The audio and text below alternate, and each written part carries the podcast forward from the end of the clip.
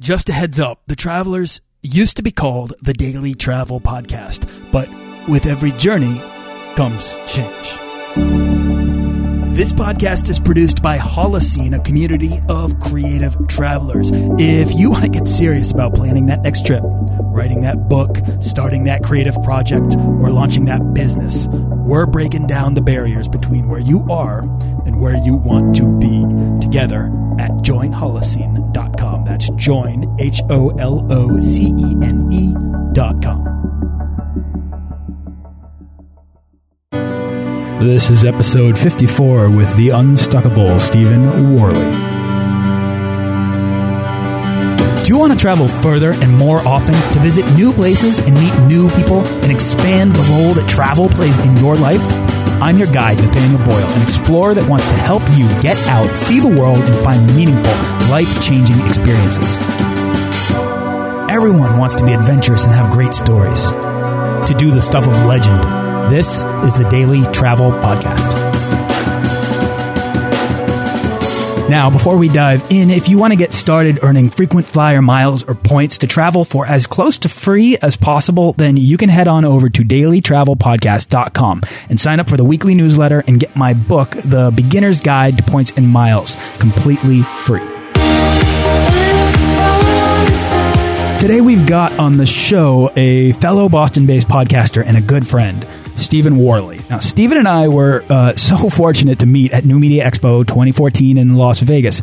We immediately connected and we're very like minded about things, and I really respect Stephen's obsession for habit making, money saving, and focus on helping people get unstuck in life. And since we met, Stephen's launched his own daily podcast, Unstuckable, where uh, he and our mutual friend Chris Wilson interview entrepreneurs and other people who have themselves overcome being stuck to find balance and happiness. So Stephen and I love discussing travel because he himself lived in Spain for a bit and is a huge proponent of travel as a way to regain freedom and clarity in life. And one of the fundamental components of how to get unstuck is to save money. And that's also step one for anyone dreaming to take that, you know, finally take that trip or, or someone who wants to make travel more of a regularity in their life. So Today's a little different. After I let Stephen introduce himself, we're going to break the interview format to discuss a topic that brings with it a lot of varying opinions and advice, not all of which do I think is particularly sage wisdom. When Stephen and Chris wrote a post discussing how to create a budget without nickel and diming yourself, I knew I had to get Stephen on to discuss money saving strategies and why it's important not to nickel and dime your happiness. So let's get right into it. We're going to geek out here about money saving strategies for your travels. Stephen, What's up, my friend? Thanks for coming on the show on such a gorgeous day in Boston. Yes, uh, it's it's a rarity. It seems these days. It was a long winter, a great year to get away and go somewhere in the world and be in a warm place. Oh, I love it, Stephen. Way to tie in travel already. I'm on Cape Cod, and you know we need to stop talking about doing like a podcasters meetup or an unstuckable meetup out here. Uh, I'm staring right now at the perfect setup for it. There are about eight empty chairs right in front of me, and uh, I want to fill them with people like you. I am down. Let's do it. All right. You, you might regret this. okay. Oh, but well, I will see you in August because I'm renting a house in Wellfleet. So at least we'll get to hang out then. Neighbors. What neighbors? I love it. All right. So, uh, Stephen, I gave kind of a, uh, an overview about you and the magic that is your podcast, Unstuckable. But uh, here's my question for you, Stephen. How do you define someone that's unstuckable? Wow, you're turning the tables on me right from the get go. Right from the get go. There is a lot of different components, but it I would say someone who is unstuckable is somebody that is not going to accept what they've been told or what everybody else is doing, but is going to take the time and the introspection to really discover what is it, what it is that they want in life. How are they going to use the limited amount of energy, time, and money that they have while they're on this earth to do something that really lights them up and they feel like they're using those resources in a meaningful way? Oh, can you see how Stephen's philosophy about uh, being unstuckable and what that means and how that ties directly into travel and everything that I'm trying to champion here on this show about why you should travel, why it matters, why there's very little to be afraid of. Tell us about your time spent living in Spain. Or, and, and, and I, oh, go ahead. before I just jump into I just, because it's something that's come out in so many of our interviews and why we're talking about this, it came out in your interview when, when you were on our show is, that when somebody is stuck, you know, they, they either feel that they're not doing what, what they want to do and they have a goal, but they don't know how to get there. Or they don't even have a goal, but they just have this feeling in the pit of their gut that says you're not doing what you're supposed to be doing. And one thing that we hear in a reoccurring way is a lot of people to get unstuck, they take a trip. What's so great, as you know, about travel and taking a trip is that it gives you unbelievable perspective because it takes you away from all aspects of your life, all influences, all those voices that you, all those external voices that are influencing your decision making every day, your normal routine, your habits. So you're left in this place. And, and I know you're an advocate of this as well. I, I, I think you should also, if you haven't done this once in your life, is travel on your own. Yes. You'll, because it just forces you because I, am a social person. I love being around people. So it kind of forces you to interact with the local population in a way that I don't think I have necessarily when I'm traveling with friends or family.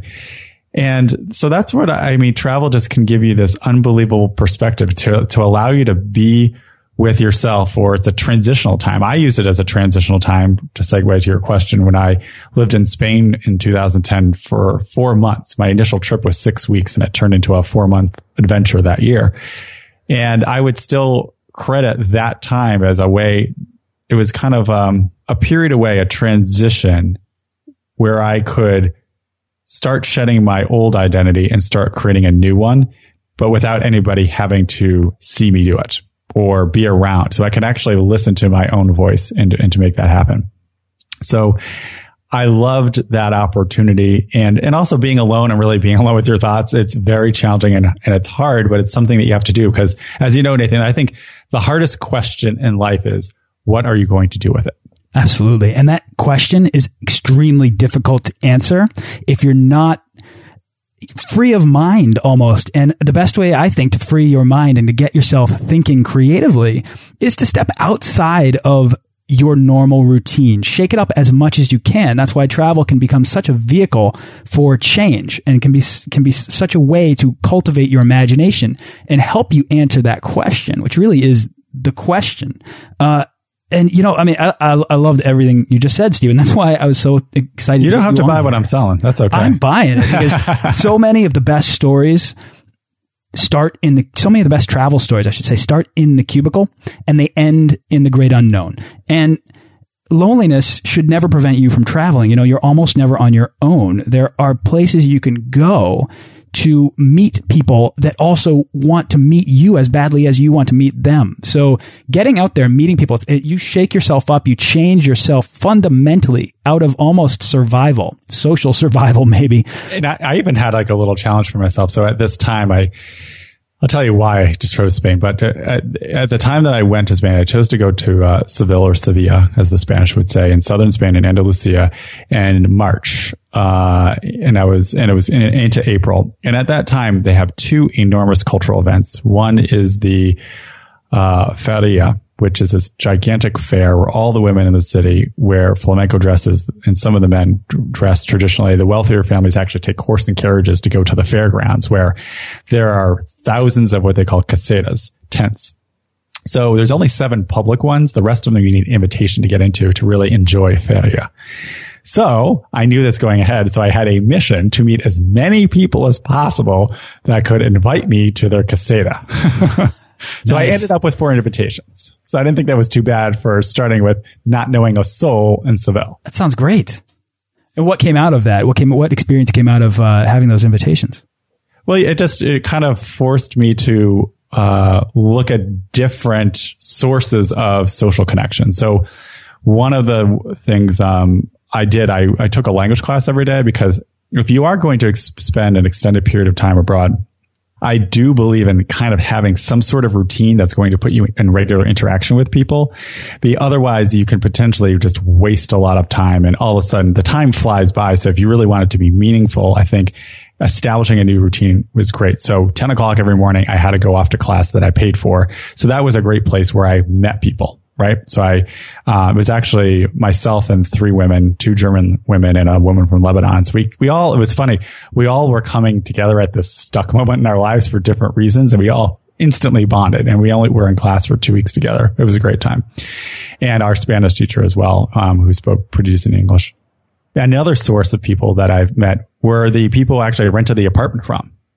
And I just had a really great connection with. There was a German guy who owns this company who finds uh, apartment long-term apartment rentals for for tourists in, in Seville. Uh, a lot of people go there for flamenco and the bullfights, and you know get away from cold weather like myself.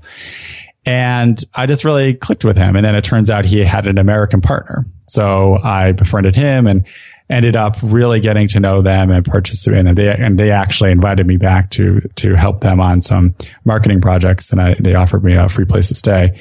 So that was another source. And then another source, I actually just had a lot of visitors from different parts of my life that they knew different people. So I met other people through them.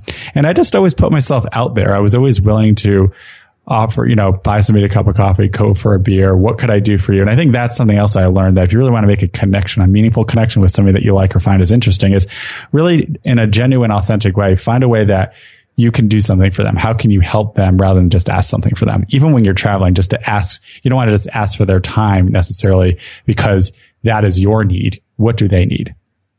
Absolutely. That's very clever advice right there. Now, Stephen, you're speaking about routine, and that is, of course, coming from someone like you who is a champion of habits. But travelers and explorers, and I know this is true of myself, we have this like innate need to surround ourselves with new things and to, to escape routine, to break our habits, to get out there and find new horizons and try all these new experiences and to continuously feed this addiction to new things. So how can we, how can we reconcile this with what, with what you're saying? Such an interesting point. Another way to look at it is it's providing a framework for your new experiences so you can really maximize your time, your money, I love and that. your energy. Yeah. The other way to look at it is after four months living, let me tell you, if anybody, if you haven't been to Seville people, you got to go.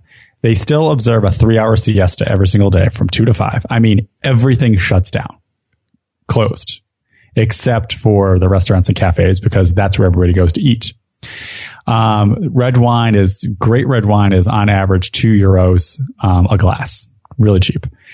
Uh, beautiful weather, very walkable city, amazing history. You know, the, the intersection of the, uh, the Spanish Catholics, the, uh, the, the, Jewish diaspora and, uh, the Moorish Arabs. But here's where, at least for me, I realized, and also this came out in one of our interviews. You've met Quinn Askeland at NMX, didn't you? I did. Yeah. The cubicle free man. Yeah. So what happened to me, and I think also happened to Quinn, that towards the end of that four months, I'm like, this has been awesome. I really appreciate the freedom. I am living the life. But is this what I want to do forever? And it seemed that for me, at least, it was unsustainable because I loved making a contribution. And I, I felt like I also happened to be in particular in an environment where the Spanish people in that part of the country are amazing, great, friendly, but not necessarily entrepreneurial. And I really missed that. Um, and I, I, think that's something that's incredibly uniquely American. So I knew that what it, what I discovered about myself was that I love travel, uh, and the role of travel in my life is a, is to have a new experience, to get away, to have reflection, to meet new people. But it's not something I want to do as my lifestyle. And and there are people that are going to make that choice that that is going to be their lifestyle. Mm-hmm. Well, I, um, I, love that you're speaking from experience there and that you've had this kind of thing, but just to be able to go out there and to learn from it and grow from it and get a better, better clarity on exactly what your next decision is going to be and that it's going to be right for you. And, and Quinn, it happened the same thing where he was, he's from Australia. He left a well-paying job for Australia and to go live in Canada for for a while, but you know, he's from Australia. He's not going to endure those Canadian winters. Very smart man. So he went to like Mexico and Central America for the winters. And he's like, you know, Stephen, I, I really appreciate the freedom of being able to sit on a beach, but this is just not where I want to be for the rest of my life. He had a higher calling that he needed to answer. Yeah. Freedom. You can find freedom in work when it's, when it's, you know, what you want to do. You have that purpose and you're going to use those personal resources, your your energy, your time, and your money in in a way that's effective for you. Now, Stephen, you were talking really about living on a day to day basis in Sevilla, and the things that you loved about Sevilla, and that you just listed out are very often the things that people suggest we cut out of our lives so that we can save for our travels, right? But here's the thing. Like, if you want to travel more, then do you have to sacrifice the majority of your expenses on the things that make you happy? Whether that's a nice glass of wine at you know, two to five o'clock, or that's the coffee, the latte that you get in the morning for the few weeks or months that you get to spend your savings on travel. You understand there's a travelers, travelers and explorers have a hard time with their routine day to day and cutting out the small things that make you happy so that you can finally get to take that trip for just a few weeks or years. That's not sensible to me. And there are other ways to save your money without nickel and diming your happiness right. at home on a daily basis. And I'm wondering if you have any input on that. Yeah, the, the way I would like to define that or how I would start approaching that question is my definition of what cheap is and what frugal is. They're different to me. I'm frugal. Frugal means that you are saving money by prioritizing your spending. The things that are important to you, you're not necessarily going to cut down or reduce the spending on. But the things that you can live without or are unimportant to you, you do. Cheap means cutting everything across the board. And that's where you're just going to be miserable. It's like going on a crash diet. You're not going to stick to it.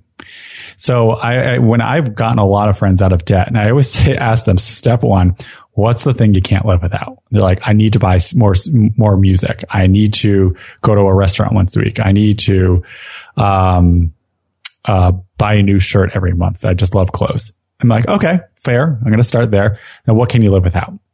You know, I really don't end up watching that much TV. You know, I, I guess I could let go of the cable. Everybody has cable, but I don't really watch it. Great. Let's get rid of it. So I would start there.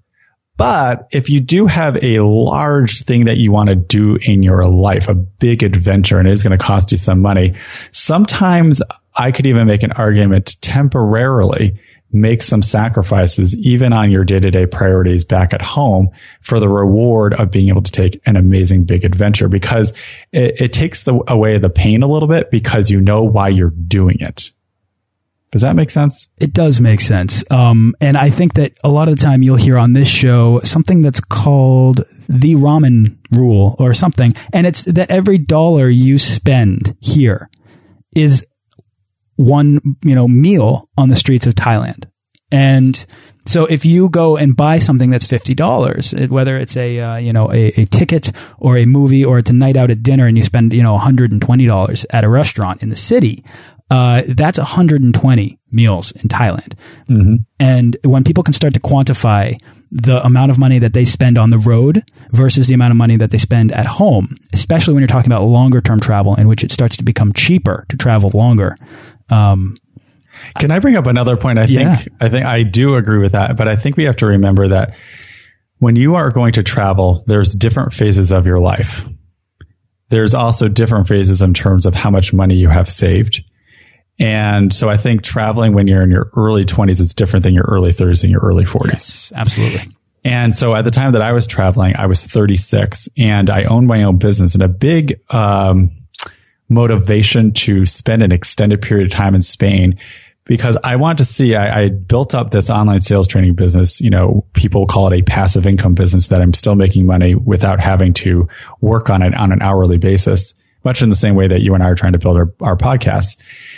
So I wanted to see like, what would that be like? And so I was able to do it pretty successfully. So I even, I would argue I even saved more money because I was still making money. I still had my income and my job. I didn't give that up while I was living in Spain. And in fact, I always love telling people I learned another concept, time arbitrage.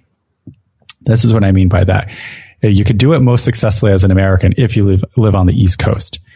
So uh, in Seville, most people don't get moving in the morning till nine o'clock.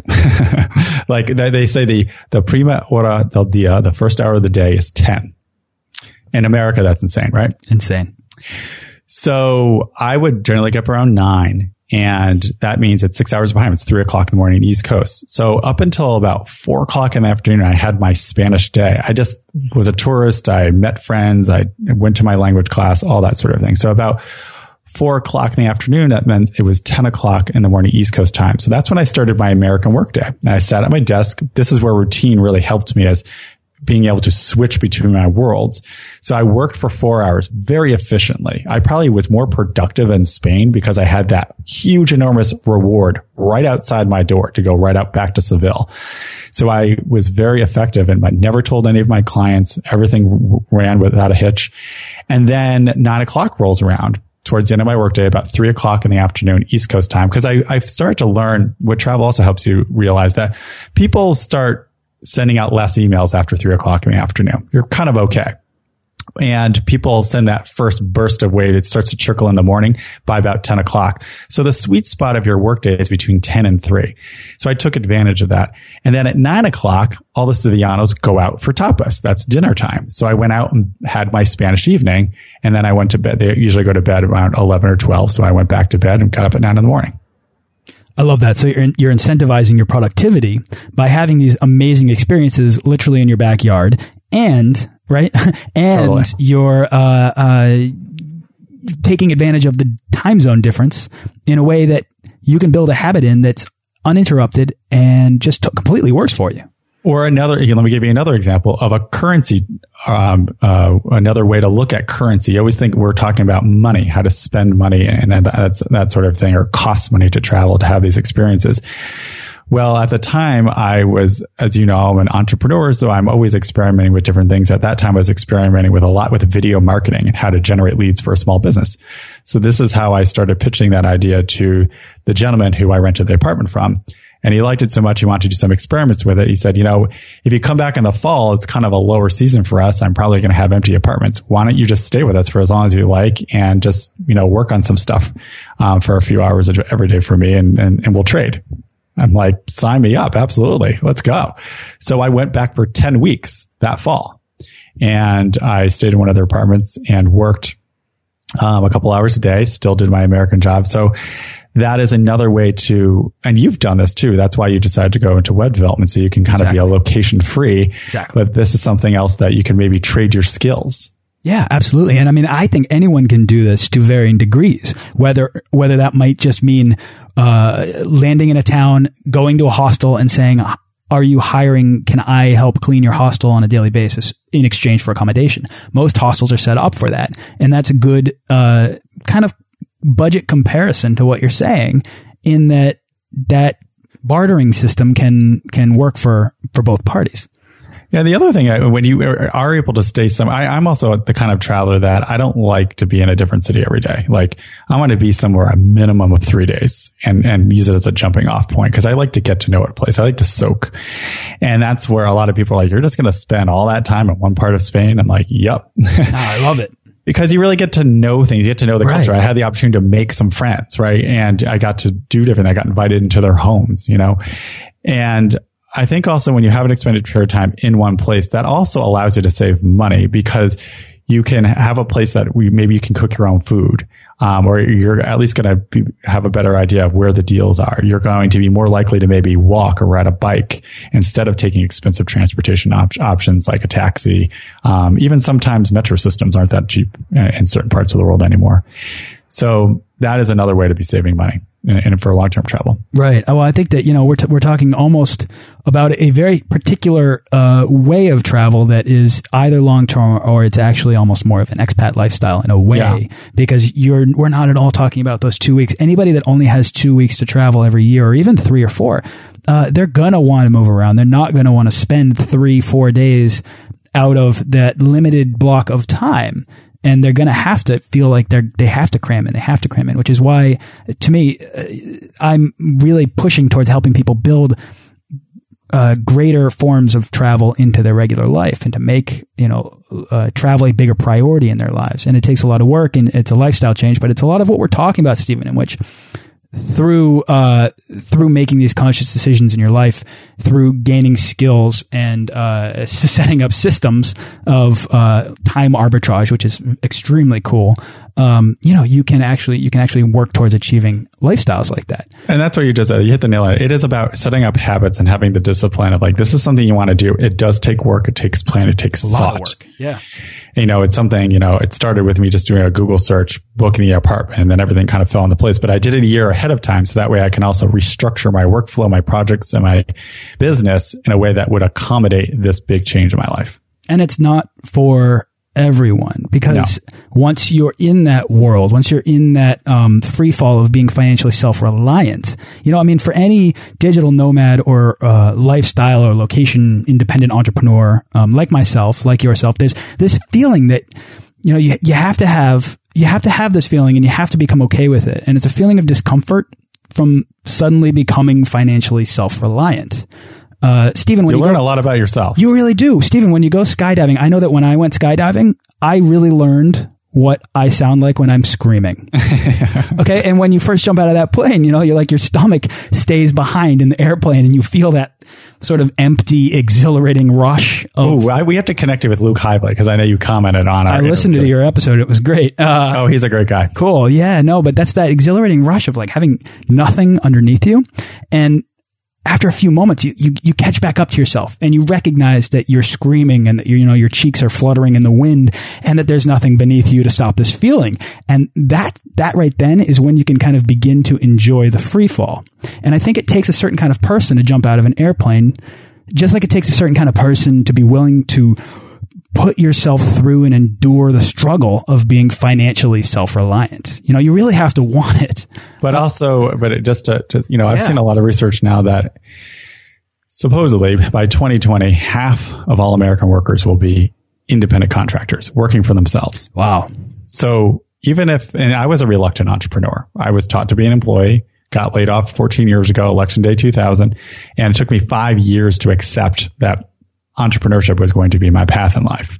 So I think there's going to be many more reluctant entrepreneurs uh, in our country going forward. So if you're listening today, you never thought of yourself as an entrepreneur that you can never do the type of travel that I did. You never know. That's what I want to say to you. You never know.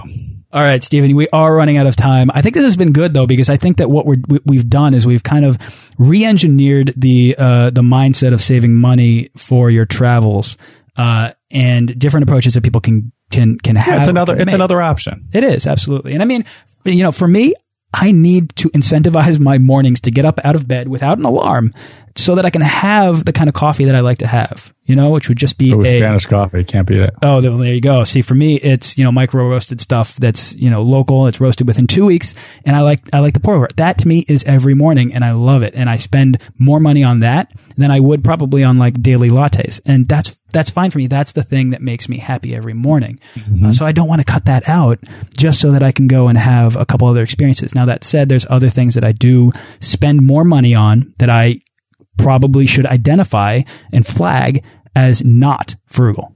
And also, I just wanted to throw one other. I mean, it's an idea. Is this a temporary one-off big thing that you're going to do with that will influence how you you you save money, or is this a lifestyle? For me, I this is a lifestyle choice. I want the option of being able to take extended travel whenever I want. So that's why I work the way I do and the way I budget my money the way I do. That's right. I love that. I mean, you want you really want to invest in what time you have um, and not not the things that are going to depreciate in in personal value to you, emotional value to you over time. You know, a shiny new object loses its luster, but a memory or a story can become the stuff of legend, and its value will only appreciate to you uh, as you Very get well older. Put.